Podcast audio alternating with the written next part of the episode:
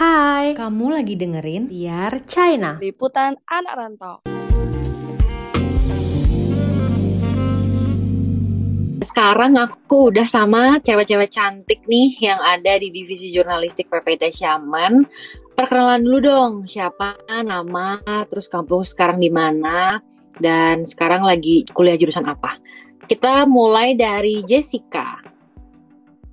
Halo semua, perkenalin nama aku Jessica. Aku sekarang kuliahnya di Xiamen University, jurusan Shunguchi Shu atau yang biasa dikenal sebagai Bioteknologi. Halo semua, salam kenal. Salam kenal. Yang kedua kita ada Velin. Hai Velin. Hai teman-teman. Perkenalkan nama aku Velin Valentin di divisi jurnalistik. Sekarang belajar di Huazhou University jurusan Huawen Jiaoyu atau bisa disebut dengan Chinese Education. Hai semua. Hai, oke. Sesuai judulnya, asiknya SMA di Tiongkok. Sebelum ke pertanyaan, aku mau nanya nih dulu, kalian berdua itu SMA-nya di kota apa, di provinsi apa? Di provinsi Guangxi, di kota Nanning. Hmm, di daerah selatan Tiongkok. Iya, gitu ya. Benar sekali. Oke, langsung aja nih, aku mau nanya pertanyaan yang paling basic. Kenapa kalian milih SMA di luar negeri dan kenapa harus Tiongkok? Mulai dari Jessica dulu deh, aku pengen tahu. Uh, kalau aku sebenarnya dari dulu dari SD SMP mungkin sudah ada kayak kepikiran mau sekolah di luar negeri, tapi uh, nggak expect juga secepat itu pakai SMA udah ada kesempatan buat ke uh, sekolah luar negeri gitu. Karena juga dengan sekolah luar negeri kayak kita bisa belajar dari budaya orang lain dan juga jadi lebih open minded kan. Um, Terus untuk kayak kenapa milihnya Tiongkok itu sebetulnya uh, aku nggak ada niatan buat sekolah di Tiongkok malah kayak Tiongkok itu salah satu negara yang yang paling pertama aku cross off my list untuk sekolah di luar negeri. Tapi kebetulan ada dapat kesempatan dari so ada yayasan di Jawa Timur yang ngasih beasiswa untuk SMA di China dan aku ngerasa yang bagus makanya langsung aku ambil dan ya akhirnya sekolah SMA yang di China. Oke. Kalau jawaban dari Velin? Kalau aku beda sih sama si Jess. Kalau aku karena ya sama dapat juga tawaran beasiswa Tiongkok, tapi aku tuh dari kecil udah tertarik ingin pergi ke Tiongkok, terus dapat tawaran, ya wow, jadi ya pergilah. Kenapa enggak gitu ya? Ya, dapat tawaran. Hmm, Tiongkok berarti kalian ini dari kecil apakah udah dipeng bukan dipengaruhi ya dikelilingi dikelilingi oleh budaya-budaya Tiongkok atau ada juga pelajaran Mandarin di sekolah atau mungkin pure kalian ini sama sekali belum tahu apa itu Tiongkok? Udah sih kayak emang karena uh, ya aku sendiri juga keturunan Tionghoa jadi dari kecil emang udah belajar udah belajar Mandarin baik dari sekolah atau dari les itu udah, udah dari kecil dan juga keluarga yang dikelilingi ya kita sering sering pakai bahasa Mandarin juga di keluarga jadi terpengaruh sama lingkungan juga. Hmm, oke okay, oke. Okay. Kalau Velin? Aku juga sama seperti Jess, kena keturunan Tionghoa kali ya. Jadi kita itu dari kecil udah ada basicnya buat belajar, terus orang tua hmm. juga ya ngelesin aku ke bahasa Mandarin gitu. Oke, jadi emang dari dulu uh, dari orang tua pun udah mendukung apa ya kasih lingkungan yang berbau-bau permandarinan gitu kali ya kita bisa bilang. Jadi yeah. pas kesempatan ini teman-teman mm, nggak apa ya nggak bakal nolak dong, iya nggak sih? Iya yeah, benar sekali perasaan pertama kali waktu berangkat nih menginjakan kaki di tanah Tiongkok, apalagi di uh, provinsi kalian itu gimana tuh rasanya? Kalau Valin? Kalau aku ya excited mungkin dan senang bisa bisa dapet tantangan baru gitu. Mungkin aku juga orangnya suka tantangan, terus ya mengenal hmm. hal yang baru. Oke, okay. kalau dari Jess? sama sih kayak excited pergi ke dapat lingkungan baru apalagi di luar negeri yang yang sebetulnya cukup baru ke experience yang berbeda dari di Indo jadi kayak excited untuk pergi Hmm, tapi aku deng lihat dengar-dengar nih dari tadi kalian senang excited. Kalian nggak ngerasa takut sama sekali jauh dari keluarga gitu? Apa gimana itu? uh, aku sih takut pasti ada tapi uh, justru karena justru karena ada tantangan itu jadi kayak lebih excited hmm. Juga hal baru jadi kayak merasa tertantang untuk masuk ke dunia baru gitu. Benar, benar, benar. Jadi kayak apa ya? Hilang kali ya rasa takutnya iya. gara-gara yeah. ketutup sama wah akhirnya menginjak kaki di luar Indonesia dan apalagi nih China gitu ya. Oke, oke. Sekarang aku mau nanya nih, gimana sih sistem penerimaan SMA-nya di Tiongkok itu? Ada ujian masuknya nggak kalau dari sekolah kalian? Gimana, Vel?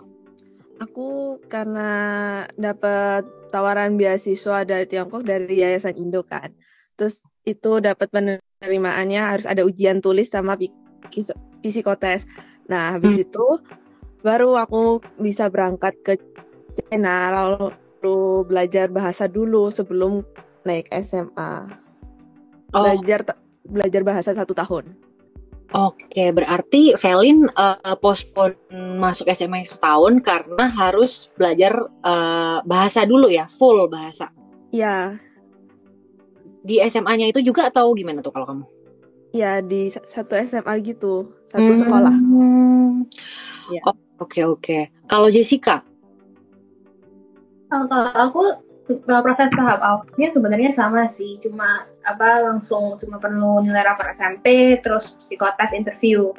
Tapi bedanya kalian itu sampai di Tiongkok aku nggak perlu sekolah bahasa. Soalnya mereka persyaratan untuk SMA itu minimal punya HSK 4 dan kebetulan aku saat itu udah punya HSK 4 jadi bisa langsung masuk SMA.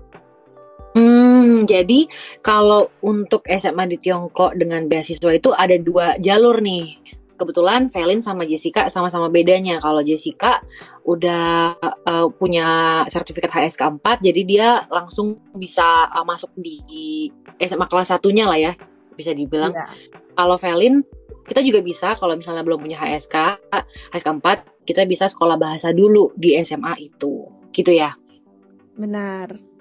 Kurang lebih uh, perkuliahan itu sama eh per sekolahnya itu sama kayak perkuliahan gak sih kayak tinggal di asrama sama teman-teman gitu bukan? Iya sama sama seperti kita sekarang. Hmm, oke okay, oke. Okay. Uh, dan apa sih kira-kira nih? Mungkin dari Velin dulu atau dari Jessica dulu. Culture shock pertama kali nih tentang kehidupan kalian selama SMA di Tiongkok itu gimana?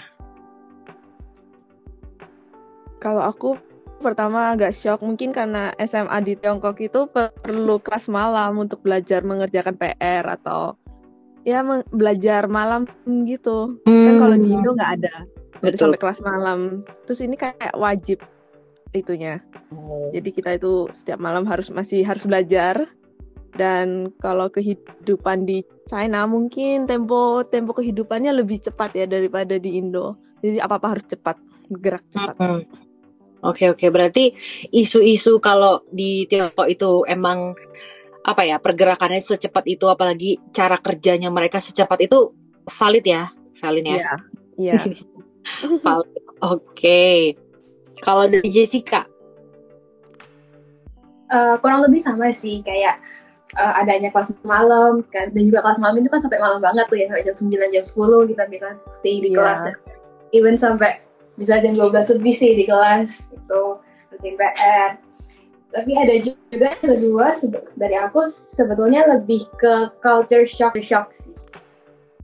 Hmm oke okay, oke okay, oke. Okay. jadi uh, kalau dari pergaulannya lebih uh, hidupnya tuh waktu malam hari ya Jess? Iya lebih bebas hmm, lebih bebas juga. Oh oh, oh oke. Okay. um, bentar. Tadi aku lupa ngomong SMP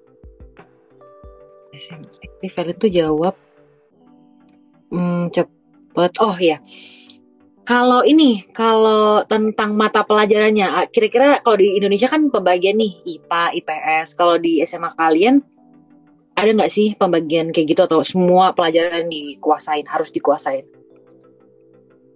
Kita semuanya harus belajar. Ada No. pisah-pisahan ya, IPS atau IPA gitu.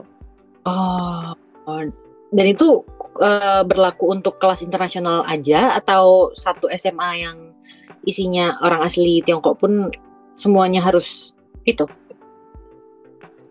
Kalau untuk anak-anak yang lokal Tiongkok, mereka ada pembagian IPA IPS-nya sih, sama kayak di Hmm. cuman kita kelas internasional aja yang nggak dibagi. Oh, oke oke oke. Berarti kurang lebih sama ya kalau buat lokal di Tiongkok itu. Hmm, ini kan tadi kan di kelas internasional kan kan semua harus dikuasai kan. Kira-kira kalian masih ingat nggak nih? Harus flash- flashback sedikit. Apa pelajaran apa aja sih yang kalian pelajari selain bahasa Mandarin gitu? Hmm, selain bahasa Mandarin, sebetulnya kurang lebih sama kayak di Indo sih, kayak ada matematika, ada IPA IPS-nya juga sama, ada biologi, kimia, fisika, ada sejarah, geografi, musik, olahraga, kurang lebih sama. Dan kalian harus menguasai itu semua menggunakan bahasa Mandarin, betul? Benar Betul. sekali. Oh my god, gimana kalian survive? Tolong kasih tahu teman-teman di sini yang dengerin gimana kalian satu bulan pertama nih em, mengenali ritme per persekolahan gitu deh, persekolahan yang ada di Tiongkok. Dari Velin. Kalau aku yang pasti karena walaupun belajar bahasa satu tahun itu juga berasa masih kurang karena IPA, IPS, semuanya sejarah. Lalu harus translate dulu sih kayak ke bahasa Indonesia. Terus kalau masih ada yang nggak ngerti kayak IPA, IP, IPA, matematika gitu, aku biasanya tanya ke kakak kelas. Terus- Hmm. Nggak ke teman-teman tanya Jess. Terus mereka juga ya sabar kayak ngasih tahu. Terus belajar bareng kalau ujian, mau ujian. Kita pasti ada belajar berkelompok. Oh, Iya. iya. Oke oke oke, bagus bagus bagus. Kalau dari Jessica, Eh, kalau aku kayak Valin kayak HS keempat walaupun walaupun persyaratan untuk masuk HS untuk SMA adalah HS keempat tapi punya HS keempat nggak menjamin bisa eh, paham dengan semua materi pelajaran di SMA. Jadi kalau aku sendiri cara belajarku waktu SMA adalah waktu awal-awal semua buku buku pelajaran itu aku literally translate dari Mandarin ke Inggris itu untuk beberapa bulan pertama dan kemudian setelah itu baru pelan-pelan dilepas depannya. Hmm, oke oke oke. Berarti mau nggak mau kita juga harus ada, ya itu ya. eh, mungkin kelas malam kalian bisa dipakai buat itu juga kah? Atau kelas malam itu tuh ada guru yang bakal ngejelasin atau mandiri belajarnya tuh? Belajarnya mandiri. Dan mandiri, iya. Oh, berarti di saat itulah kalian mulai, wah, translate, ya tanya gitu ya. Iya. Hmm, itu di waktu dari jam dari jam berapa tuh? Dari Jam jam setengah delapan atau jam tujuh? Tujuan ya kalau nggak salah. Ini jam tujuh. Jam tujuan sampai maksimal jam 12. Iya. Wow, itu kalian harus di dalam kelas atau di dalam uh, dorm yang ada ruang kelasnya atau gitu? Di kelas. Di kelas. Oh, Iya. iya iya iya. Berarti hampir sama kayak Korea sih. Aku pernah kalau aku sendiri kayak pernah lihat di YouTube gitu kan SMA di Korea tuh juga kayak gitu.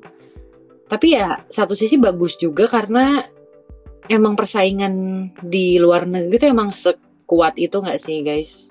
Iya. Kalau kalian. Hmm, Kayak Oh. apa? kenapa? Mahasiswa lokalnya sih mungkin tekanannya lebih gitu. Iya iya iya. Lebih Walaupun tekanan.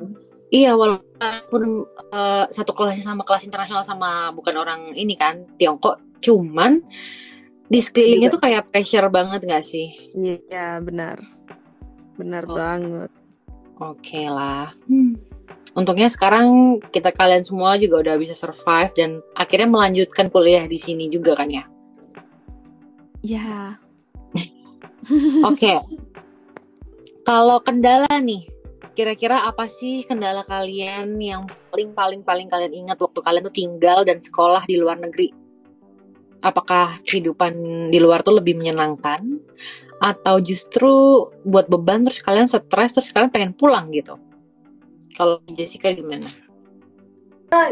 SMA di luar negeri itu lebih enak daripada di Indo. Jadi kayak selama di sana ngerasa sekarang sih nggak kepikiran ada kendala apa nggak ada kendala yang waktu itu dialamin kayak ngerasa uh, selama SMA di China itu semua semua kendala bisa diatasin bisa kayak tertutupi dari keuntungan-keuntungannya yang didapetin. Hmm. Kalau dari Valin? Mungkin waktu aku dulu itu kendala utamanya di bahasa ya, karena Mandarin ada nada-nadanya. Kan waktu bahasa di Indo, bahasa Indo itu kan nggak ada nadanya, jadi cukup sulit untuk menyesuaikan. Jadi harus belajar dari awal. Terus iya. Mungkin di pertemanan mungkin kendalanya biasa kan pasti ada, nggak semua teman juga baik kan. Iya betul ya teman-teman yang sifatnya kurang itu tapi ya bisa diatasi. Hmm, iya iya. Berarti kan selain apa ya? Selain kita harus kalian ini harus terbiasa sama sistem pendidikan di Tiongkok. Kalian juga harus terbiasa sama pertemanan-pertemanan internasional yang ya kadang ada jeleknya, ya pergaulan-pergaulannya yang mungkin culture-nya beda juga kali ya Indo. Iya. Sama, sama apa? bahkan mungkin Indo sama Indo pun pasti tetap tetap bakal beda ya benar oke okay, oke okay, oke okay, oke tapi kalau so far menurut Valin lebih menyenangkan di Tiongkok atau di Indonesia nih SMA-nya atau sekolahnya yang pasti lebih senang di luar negeri oke berarti kalian berdua yeah. jauh dari keluarga dan kayak kalian harus mutusi menyelesaikan masalah kalian sendiri gitu gak sih Benar, harus menahan diri. Hmm, oke. Okay. Kalau tentang pertemanannya, nah tadi kan kalian udah nyinggung dikit nih. Gimana sih kira-kira pertemanan SMA Tiongkok? Siapa yang mau jawab? Kalau pertemanan di kelasku mungkin walaupun kita berasal dari negara yang berbeda-beda, tapi kita semua itu cukup kompak.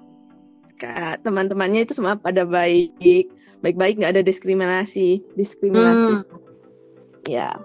Tapi ada juga sih yang temennya sifatnya yang baik yang tadi aku bilang. Ya kita cukup harus bertoleransi. Yang buruk nggak perlu diikutin aja sih. Wah betul betul betul betul betul iya sih. Um, kalau pertemanan kan nggak kadang nggak gimana ya kayak sifat-sifat orang kan nggak harus dari apa ya kot apa ya negara gitu kan. Mungkin dari ya orang itu sendiri kadang. Betul betul oke oke. Kalau dari Jessica?